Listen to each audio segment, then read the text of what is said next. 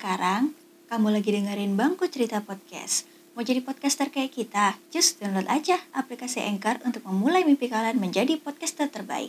Di sana kamu bisa merekam, mengedit, memberi efek suaramu agar nyaman didengar, dan gratis loh. Tunggu apa lagi? Buruan download ya.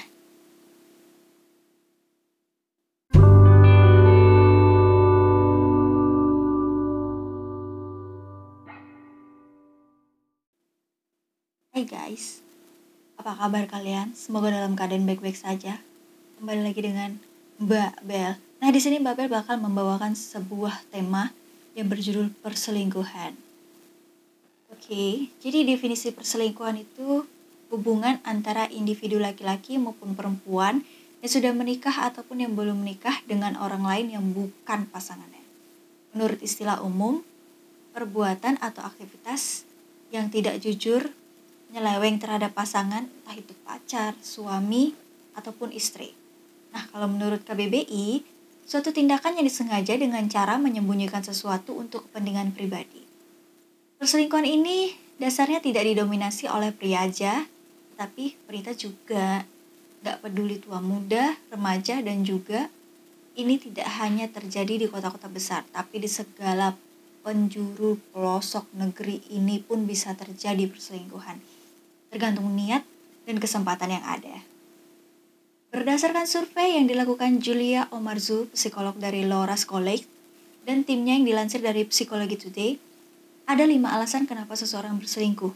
Yang pertama, kurangnya kepuasan seksual dalam pernikahan dan hasrat untuk berhubungan seks tambahan. Yang kedua, kurangnya kepuasan emosional dalam pernikahan, hasrat untuk mendapatkan rasa penghargaan dari orang lain, tidak lagi cinta dengan pasangan dan menemukan cinta yang baru. Nah, yang terakhir ini balas dendam. Wah. Selain itu, menurut Debbie Layton, seorang psikolog tahun 1998, meneliti alasan-alasan terjadi perselingkuhan yang dilakukan pasangan yang telah lama menikah. Wah, parah nih. Merasakan ketidakpuasan dalam kehidupan pernikahan, adanya kekosongan emosional dalam kehidupan pasangan, problem pribadi di masa lalu, kebutuhan untuk mencari variasi dalam kehidupan seksual, sulit menolak godaan, marah terhadap pasangan, tidak lagi bisa mencintai pasangan, kecanduan alkohol dan obat-obatan, sering hidup pisah lokasi atau LDR, dorongan untuk membuat pasangan cemburu.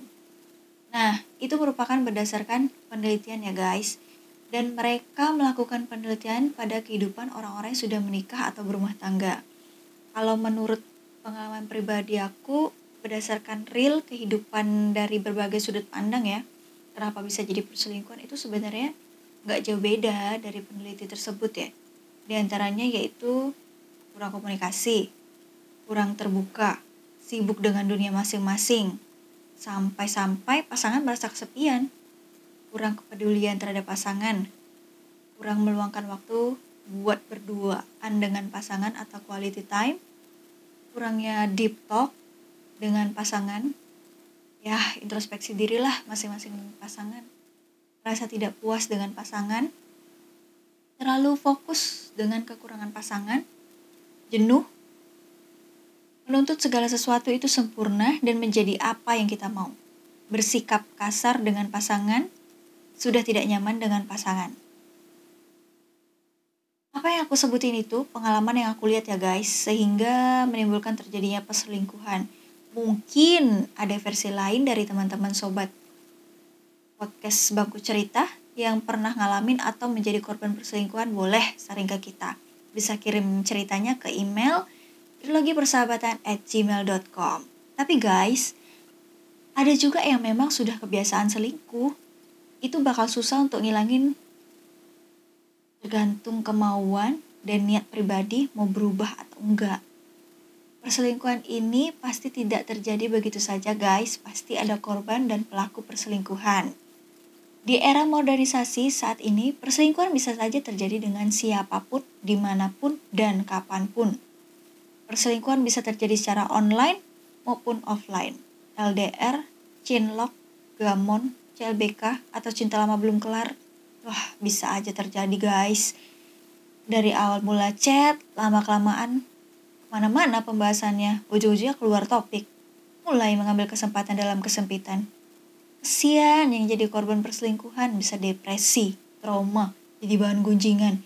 Lain halnya sama orang yang dengan sengaja melakukan perselingkuhan atau bahkan sampai mengalahkan statusnya dengan pasangan orang lain alias pelakor. Wah, kalau itu benar-benar dah nggak ada muka. Perselingkuhan ini ternyata juga berdampak ya guys. Kalau kalian selingkuh ini bisa terjadi sama kalian.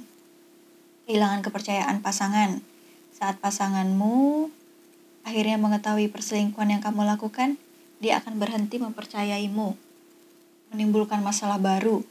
Kamu mungkin selingkuh karena ingin menghindar dari masalah tertentu dalam hubunganmu. Kehilangan kepercayaan dari keluarga besar, saat ketahuan selingkuh bukan cuma hubunganmu dengan pasangan yang akan rusak, kamu mungkin juga bakal kehilangan kepercayaan dari keluarga besar. Pasanganmu tidak merasa dihargai, Perselingkuhanmu akan membuat pasangan merasa tidak dihargai perasaannya. Rasa kecewa bisa membuat seseorang memutuskan ikatan cinta, bahkan tanpa mempertimbangkan untuk memberi kesempatan kedua lebih dahulu. Contoh kasusnya nih, dari perselingkuhan ini sering terjadi pada artis-artis Indonesia ya guys ya. Atau bahkan mereka menikah dengan selingkuhannya. Wah, berarti besar sekali pasangan yang diselingkuhin ya guys. Di antaranya itu ada Tora Sudiro, Ahmad Dhani, Krisdayanti. Mungkin masih banyak lagi di luar sana ya guys ya. Ini hanya garis besarnya aja. Karena kita bukan bagian dari infotainment yang mengulik, mengupas tuntas kehidupan para artis. Iya, iya, iya. Intinya ya, sebaiknya jika kalian memang merasa sudah tidak ada kecocokan lagi dengan pasangan, seharusnya berbicaralah dari hati ke hati. Karena apa? Karena jika kalian melanjutkan hubungan yang toksik itu, akan menyakitkan untuk pasangan kalian apalagi kalau kalian sampai selingkuh. Percayalah selingkuh itu nggak ada gunanya guys. Hanya akan membuang-buang waktu kalian aja. Buang-buang tenaga buang-buang masa. Nggak suka nggak cocok bosan jenuh ngomong tinggalin lepasin sebaik-baiknya setidaknya jangan sampai kita menyakiti orang lain itu anak orang dibesarin dengan kasih sayang eh malah diselingkuhin ada ada ada Selingkuh itu indah, tapi cuma sesaat, selebihnya sesat. Ada tipsnya supaya tidak terjadi perselingkuhan. Yang pertama, ketahui bahasa cinta pasangan, kayak physical touch, ujian, memberi hadiah, quality time. Yang kedua, tidak melakukan kekerasan fisik, bertutur kata lembut, berkomunikasi, memberi perhatian kecil namun bermakna, menjaga pergaulan, menahan diri dari godaan apa pun. Seperti kata orang, tamu tidak akan masuk kecuali tuan rumah membukakan pintu dan mempersilahkan orang lain masuk. Sama halnya kayak perselingkuhan.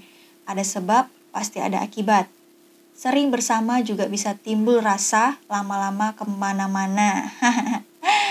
Teruntuk perempuan, mau sekencang apa pun kita ngikat laki-laki, kalau memang dasarnya sudah ada niat selingkuh, pasti akan terjadi perselingkuhan.